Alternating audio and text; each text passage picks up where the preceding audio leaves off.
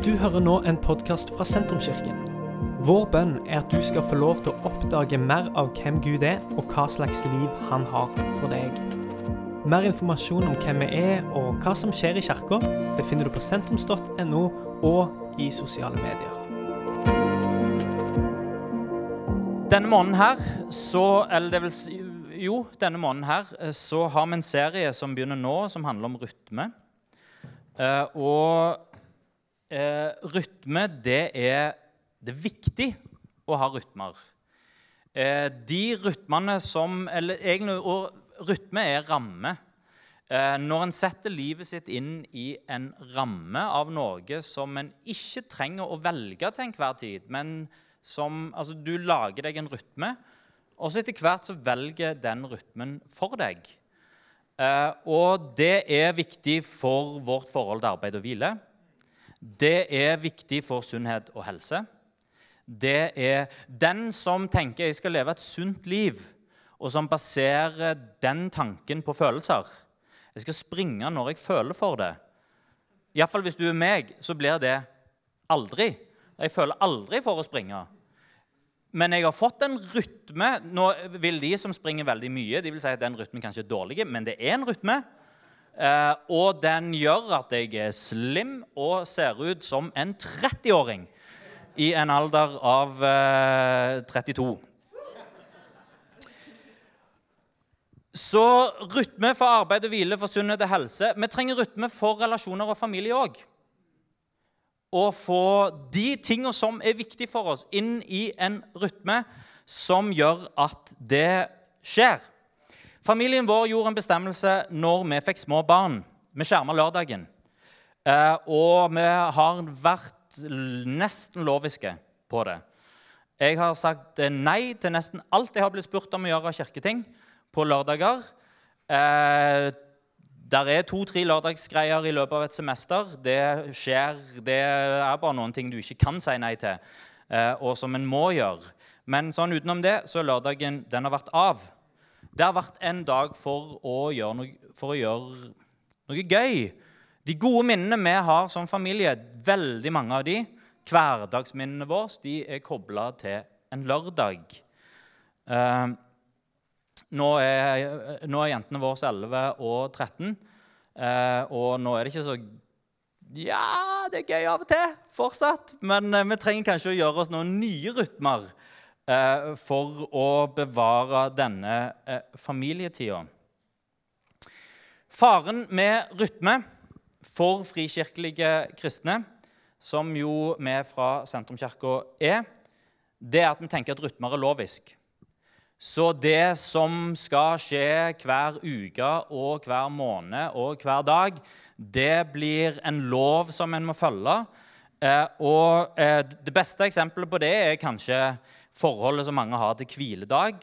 For opp igjennom så ble det etter hvert så mange regler knytta til hviledagen for at en skulle sikre at en hvilte. Det var ikke lov, å, ikke lov å strikke, det var ikke lov å bruke saks, det var ikke lov å hogge ved, det var ikke lov å gjøre det, det var ikke lov, bom, bom, bom, det ikke lov å spille fotball. For øvrig var det vel kanskje ikke lov å spille fotball utenom hviledagen heller. Eh, og så får en alle disse reglene opp i halsen, og så kommer en i sentrumskirka og hører sangen til Thomas og Karoline 'Frihet', og så er det 'frihet'. Og så kaster en alt det loviske ut av, uh, ut, av, uh, ut av, vinduet. Og med alt det loviske ut av vinduet så kaster en òg kanskje en god rytme. Og så får en ikke bruddet med arbeid. Og så går uka med, eh, med arbeidet, så går uka i ett, og så får en kanskje ikke hvilt. Og så er det lettere å gå på en utbrent smell. Og så må en igjen oppdage rytmen for hvile og arbeid. Sånne forhold tror jeg frikirkelige kristne har kanskje bevisst eller ubevisst til flere rytmer. I min oppvekst da sa evangelisten eh, nesten alltid når en virkelig skulle kjøre inn eh, evangeliet du blir ikke hest av å stå i en stall. Eh, og du blir heller ikke kristen av å gå i kirka. Eh, det som jeg henta ut av det, det var at det var kanskje ikke så viktig å gå i kirka. For du blir ikke kristen av å gå i kirka. Eh, Jeg har brukt eksempelet sjøl eh, opptil eh, flere ganger. Og jeg liker intensjonen i det bildet. For intensjonen med bildet er å si at det er noe i kjernen av det kristne livet som er personlig, og som, som handler om hjertet mitt, og som handler om mitt forhold til Jesus. Og dette er noe fint i den tradisjonen som vi tilhører. Kjernen i det kristne livet er Jesus og troen på Jesus og etterfølgelsen av han. Men problemet med dette er at en kanskje hiver da ut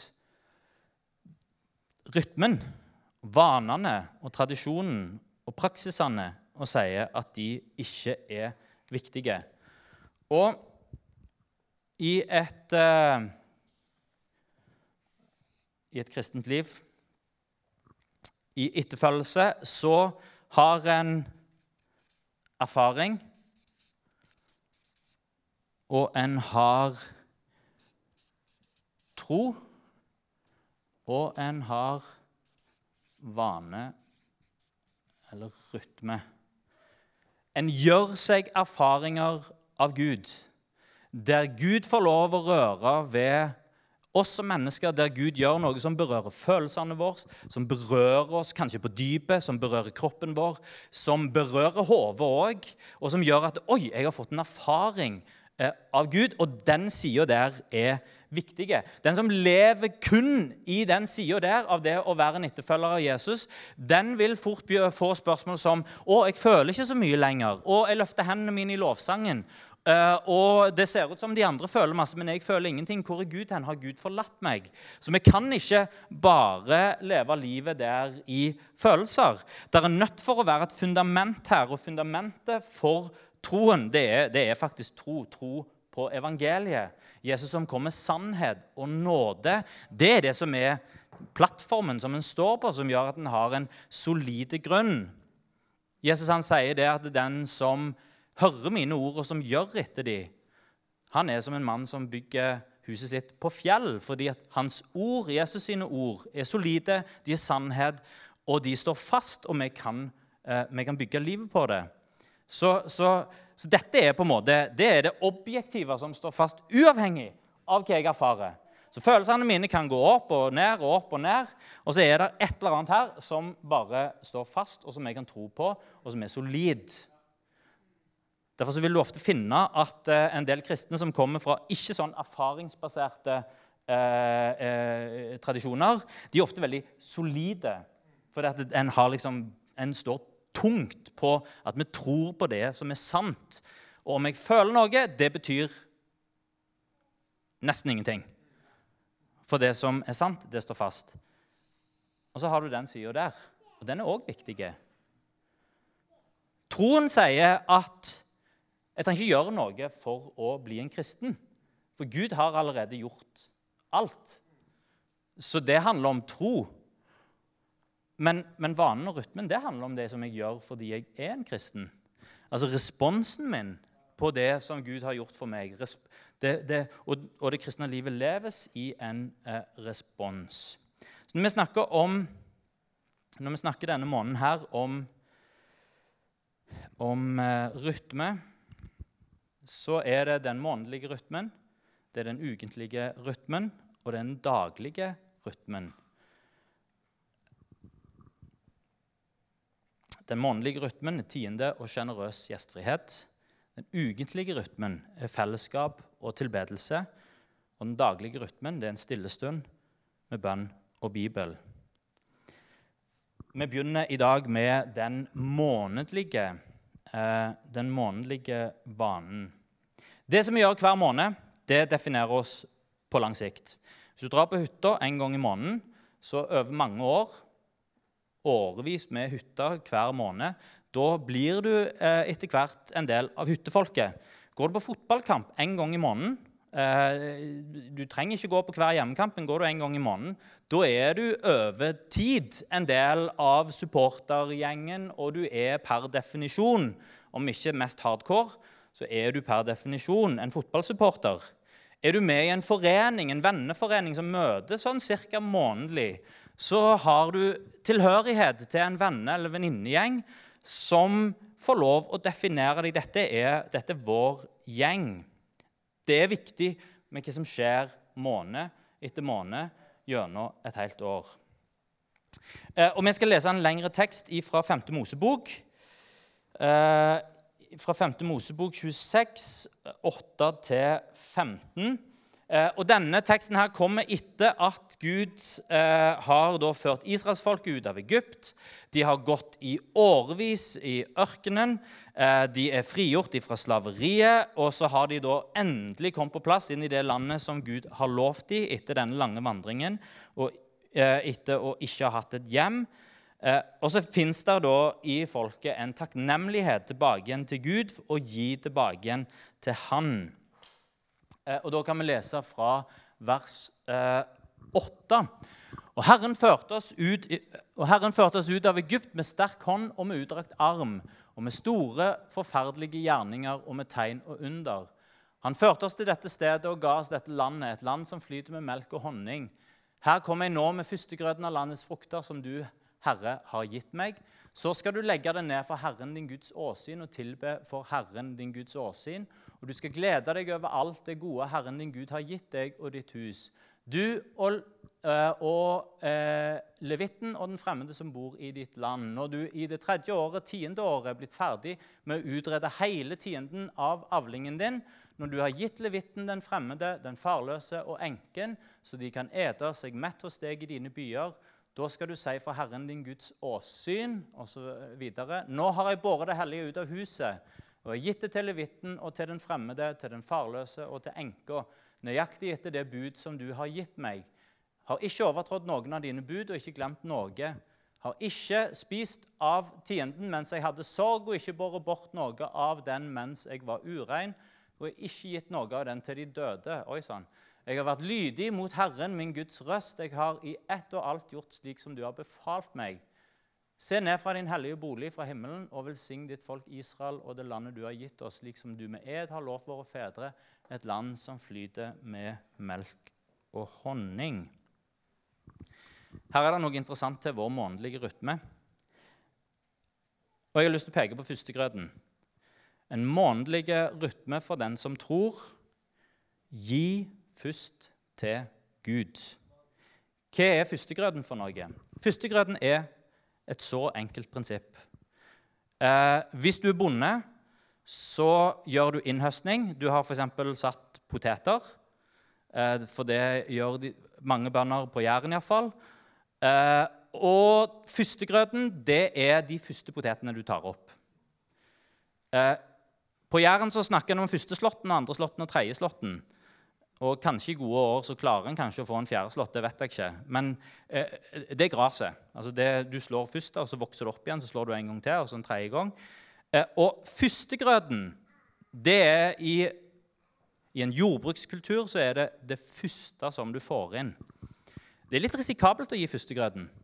For du vet ikke helt hva andre og tredje og fjerde og femtegrøten blir. Eh, så det er litt sånn Oi, det første som det, Sånn som jeg tenker automatisk av meg sjøl. Det er førstegrøten til meg sjøl.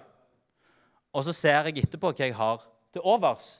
Og så kan jeg begynne å tenke på de andre prioriteringene. Så, så meg sjøl først. Og så ser jeg hva som er igjen når jeg har gitt til meg sjøl. Førstegrøten minner oss på hvis vi skal gi til Gud, og ikke gi til Gud sist. Jeg har tenkt på dette i forhold til min tid, f.eks. Hvordan skal jeg bruke min tid? Overfor de som jeg er mest glad, for, glad i? Skal jeg ta det som er igjen etter at tida mi er brukt opp, med alt av arbeid og forpliktelser? Og når jeg er sliten og helt nede på felgen, da kommer jeg krypende inn døra hjem, og så gir jeg liksom den siste rest av det jeg har igjen, den gir jeg til min familie. Og så får de det siste og det verste det er jo fort at en kan leve sånn, men det blir en feil måte å leve på for de som en er mest glad i. Prøve å leve sånn at en kan ta kanskje noe av det som er det første og det beste, og gi til sin familie. Det vil med andre ord si at jeg gir ikke mitt beste som pastor. Bare husk det.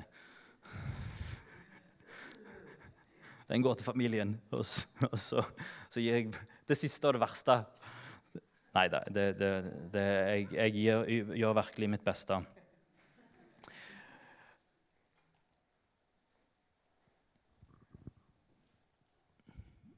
Ikke ha et forhold til Gud der eh, det som har med Gud å gjøre, handler om å gi det som er til overs.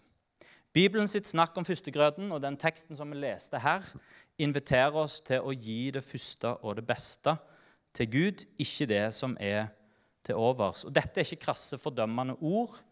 Det er å løfte fram et ideal som det går an å strekke seg etter.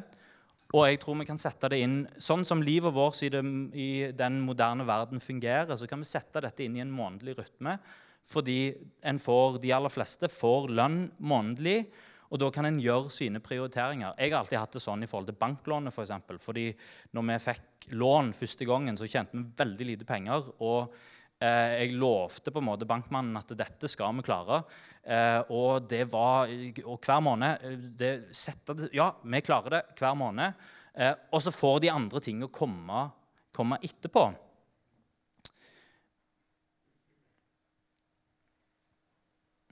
En månedlig prioritering som gir det Gud først. Den teksten som vi, leste, eh, som vi leste eh, snakker også om tiende. Eh, og Tiende vil du lese veldig mye om i Gammeltestamentet. Eh, og eh, Prinsippet er veldig enkelt på samme måte som førstegrøt. Det handler om å gi av den første avlingen. Så er tiende som prinsipp at en setter til side 10 og Så går det an å argumentere for at det ikke er et pålegg fra Nytestamentet. Det som Nytestamentet sier om tiende, det er kort og det er litt kryptisk. Du kan lese bl.a. i Hebreabrevet kapittel 7 eller 6. Jeg husker ikke helt, men sånn midt i Hebreabrevet et sted så er det et kapittel om tiende. Eh, den oppsummerer dette noe sånn som det her, at Abraham ga tiende til Melkisedek. Melkisedek var prest for den høyeste Gud. Eh, Hebreabrevets forfatter sier at Gud, eh, Abraham viste Melkisedek ære gjennom å gi han tiende. Og så, så du, forstår jo at dette er kryptisk. For det, så eh, sammenligner eh, Hebreabrevets forfatter Melkisedek med Jesus og sier at eh, Jesus i dag tar imot tiende, som Melkisedek tok imot tiende fra Abraham. Ok, det er kryptisk. Det indikerer iallfall at tiende er en måte å gjøre på. Og det å gi ære i forholdet til Gud, det handler om tilbedelse. Og tilbedelse, det er frivillig. Ingen kan tvinges til tilbedelse. Og når en tvinges til tilbedelse, så det er jo ikke det tilbe. Eh, det er jo sånn Olav den hellige-greia. Det, det, det funker ikke. Tilbedelse er frivillig. Men da kan vi sette dette sammen med å tilbe Herren av all vår makt og av all vår kraft. Når vi gir Gud ære, så er det også knytta til det som vi eier og har. Å gi tiende er en form for å tilbe Gud med det som vi eier. Takknemlighet over det som jeg har, så gir jeg deg tiende tilbake. Det lille Jesus sier om tiende i Nytestamentet, det er at vi ikke skal la være å praktisere det. Men så sier han etterpå at barmhjertighet og rettferdighet det er noe i loven som veier tyngre, og som er viktigere å eh, praktisere. Med andre ord så er Nytestamentet akkurat nok tvetydige til at tiende kan få være en frivillig hjertesak som vi kobler til tilbedelse. Kanskje er det noen som tenker at dette er en vanskelig rytme å, dette er en vanskelig rytme å få til. Med min eller vår økonomi så vil det ikke, det vil ikke gå å begynne å gi tiende akkurat nå. Eh, der er mange som har bestemt seg for å teste Gud på akkurat dette.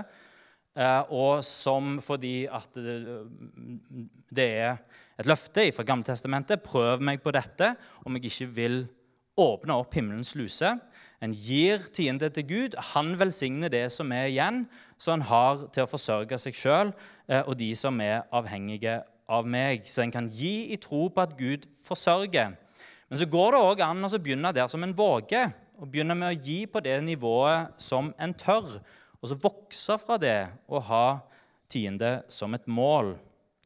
Og Det som er viktig, er å ikke gi som et pålegg fra andre, for enhver står fri til å forvalte sin økonomi som en ønsker. Tilbedelse er noe som skjer ut ifra hjertet, og som en gjør med glede.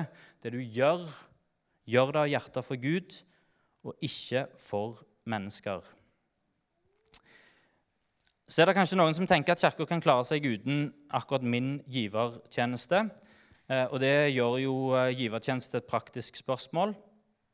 Det er vanskelig å drive kirka på ren frivillighet i dag. Det gikk kanskje i eldre tider.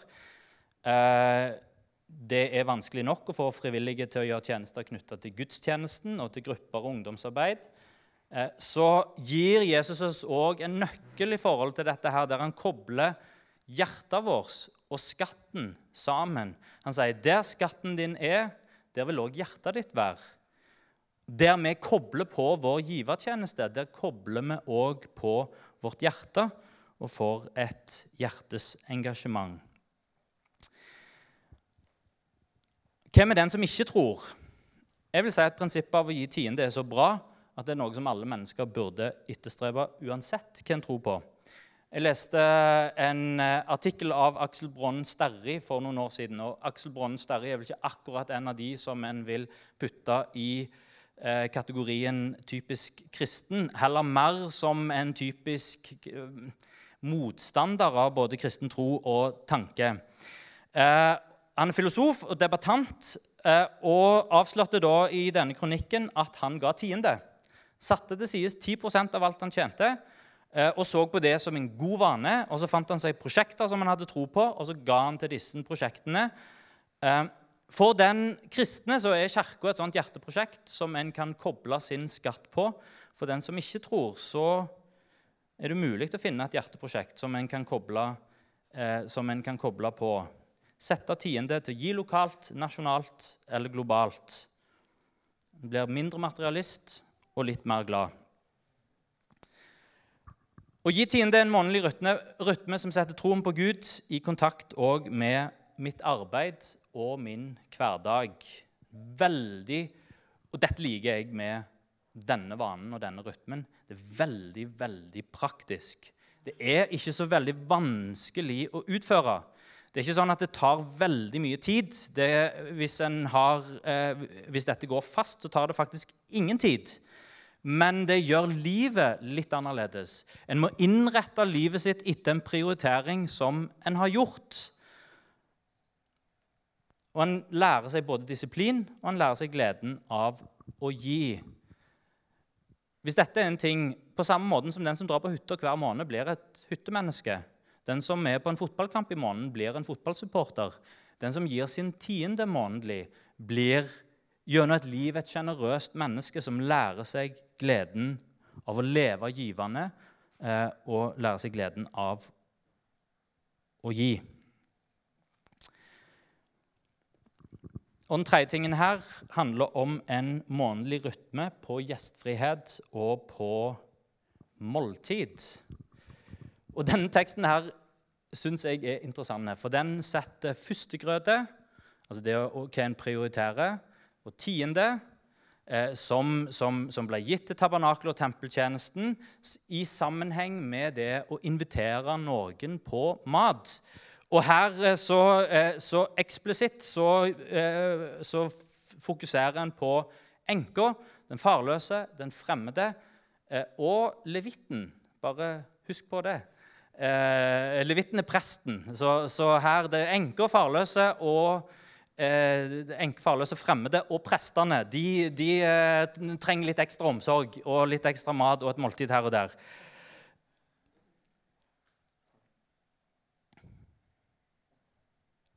Gjestfrihet og mat til den som trenger det, det er noe som Bibelen setter høyt. Jesus oppmuntrer sine disipler til å be på mat og på å være gjestfri mot ei brei gruppe mennesker. Eh, og kan, Det kan være den fremmede, det kan være den farløse, det kan være den som har behov. Men det er òg den som en, eh, som en setter høyt, og som en vil ære, og som en har lyst til å bygge relasjon sammen med. Tenk å ha det som en månedlig rytme. At uh, I den månedlige rytmen så vi har en prioritering. Den månedlige rytmen min handler om å gi tiende til Gud. Den månedlige rytmen min handler om å invitere noen hjem i løpet av denne måneden på et måltid og på å tilby eh, gjestfrihet eh, og vennskap. En gir fellesskap, og en gir tilhørighet. Jeg tenker også at det er et overkommelig ideal. Ofte når en hører folk som snakker om gjestfrihet, så legger en kanskje lista så høyt. Og der er jo noen ekstremt gjestfrie mennesker der døra inn eh, er på en måte som De kunne like så godt ha installert sånn der svingdør. Eh, for folk springer inn og ut av det, og ungene i nabolaget alle, Ingen ringer på, og alle bare går rett inn. og Hvis noen har behov, så kommer de, og der er invitasjon uansett hvordan det ser ut hjemme. og Det er alltid en ekstra stol rundt middagsbordet. En lager alltid litt ekstra mat, for det er alltid noen som dukker opp. Og så har en disse eksemplene her som er fantastiske, og som vi tenker, eh, iallfall mange av oss, at å, sånn skulle det vært hos oss òg. Eh, og så I praksis så, eh, så kommer en gjerne hjem fra jobb. Eh, ergo dette med å gi det første av det beste. En kommer hjem som et slips, eh, og en har ikke overskudd. Og så var det sånn den ene dagen, og så den andre dagen og den tredje dagen. Eh, og så går dagene, og så er det fort at dette blir et ideal, fint ideal som noen andre får til et annet sted. Hør, du kan legge det Det som vi gjør hver måned, det former oss over tid. Drar du på hytta en gang i måneden, så blir du hyttemenneske. Har du gjester en gang i måneden, så blir du et gjestfritt menneske som byr på mat og på måltid og på vennskap, fellesskap og tilhørighet. Det er overkommelig, og dette kan vi få til. Det gjelder alle. Er du familie, så kan du invitere noen på middag. Studenter, studenter eller single kan gjerne fylle opp hybelen og invitere flere samtidig.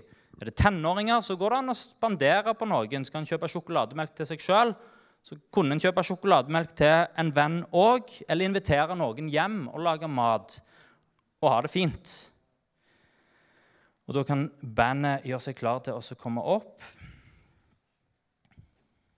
Jeg gir fordi jeg har blitt gitt.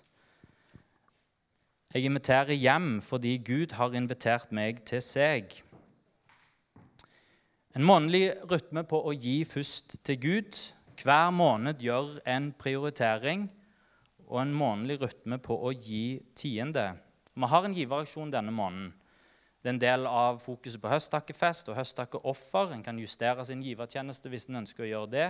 Eller en kan opprette en givertjeneste der lapp på stolene for de som har lyst til å gjøre det manuelt. Eller en kan gå inn på nettsida og opprette givertjeneste der. Og så er det dette å ha en månedlig rytme på å ønske velkommen hjem. Det minner oss om at Gud har ønska hver enkelt en av oss velkommen hjem. Evangeliet, det er Det svarer på alle menneskers dypeste ønske om å tilhøre. Og når jeg ser på forholdet vårt i dag til livet hvordan vi ser på det å leve, meningen med livet. Og spør meg sjøl hva er inngangsporten til sekulære menneskers vei Eller hva er inngangsporten for at sekulære mennesker skal finne på en måte troen på Gud? Så tror jeg at 'Velkommen hjem' er kanskje noe av det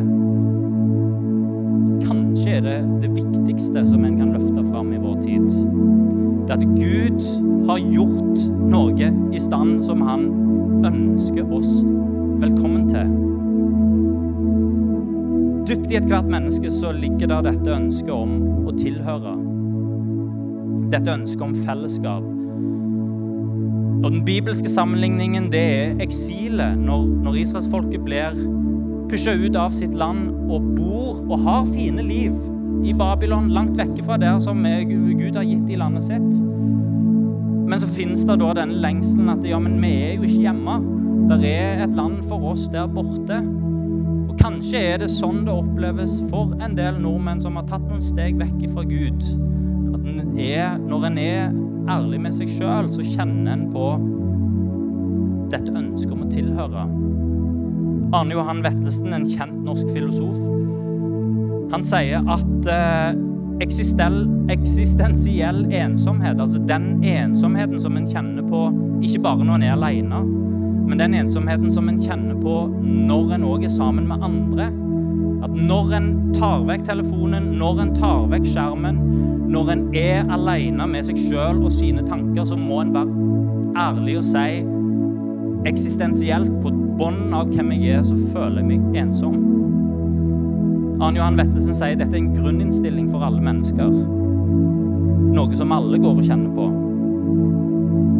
C.S. Lewis han skriver om denne opplevelsen og slår fast at hvis du oppdager at du har lengsler som denne verden ikke kan tilfredsstille, så er den eneste logiske forklaringen at du er skapt for en annen verden. Og den andre verden, det er Guds rike. Det riket der Gud bestemmer. Det er den verden som vår eksistensielle ensomhet leder oss imot. I dette riket så sier Gud 'velkommen hjem'. Inngangsporten til det riket er Jesus sin død oppstandelse. Jesu død oppstandelse sparker i gang et nytt rike, et nytt land, der Gud har åpnet opp døra og sagt 'velkommen hjem'. Der min eksistensielle ensomhet, opplevelsen og ønsket av å tilhøre, det kan pushe meg mot dette riket, der Gud bestemmer.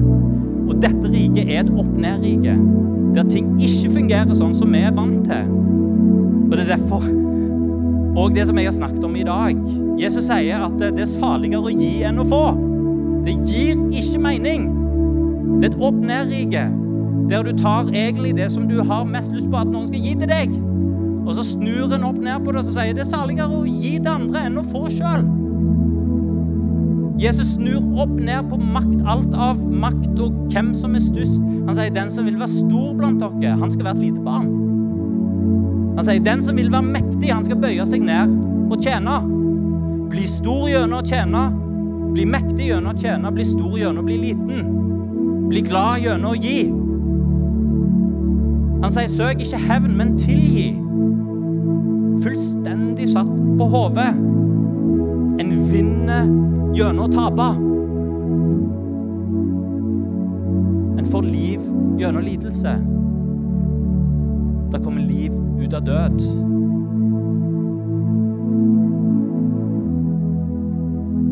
Men allikevel er det dette livet som gir mening. Og som lengter, dette riket som gir mening, og som vi lengter etter. Og inngangsporten er tro på Gud. Tro på Jesus sin døde oppstandelse. Det er Jesus som frelser og Herre. Johannes' åpenbaring 3,20 så sier Jesus, se, jeg står for døra og banker. Om noen hører min røst og åpner døra, så vil jeg gå inn til han, holde måltid,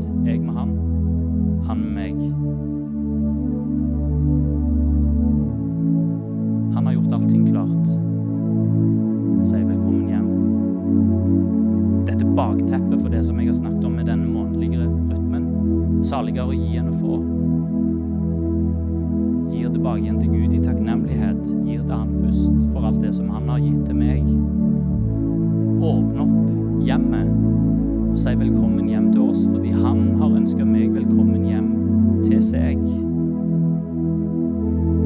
Så sier Jesus, jeg står for døra og banker. Om noen hører min røst og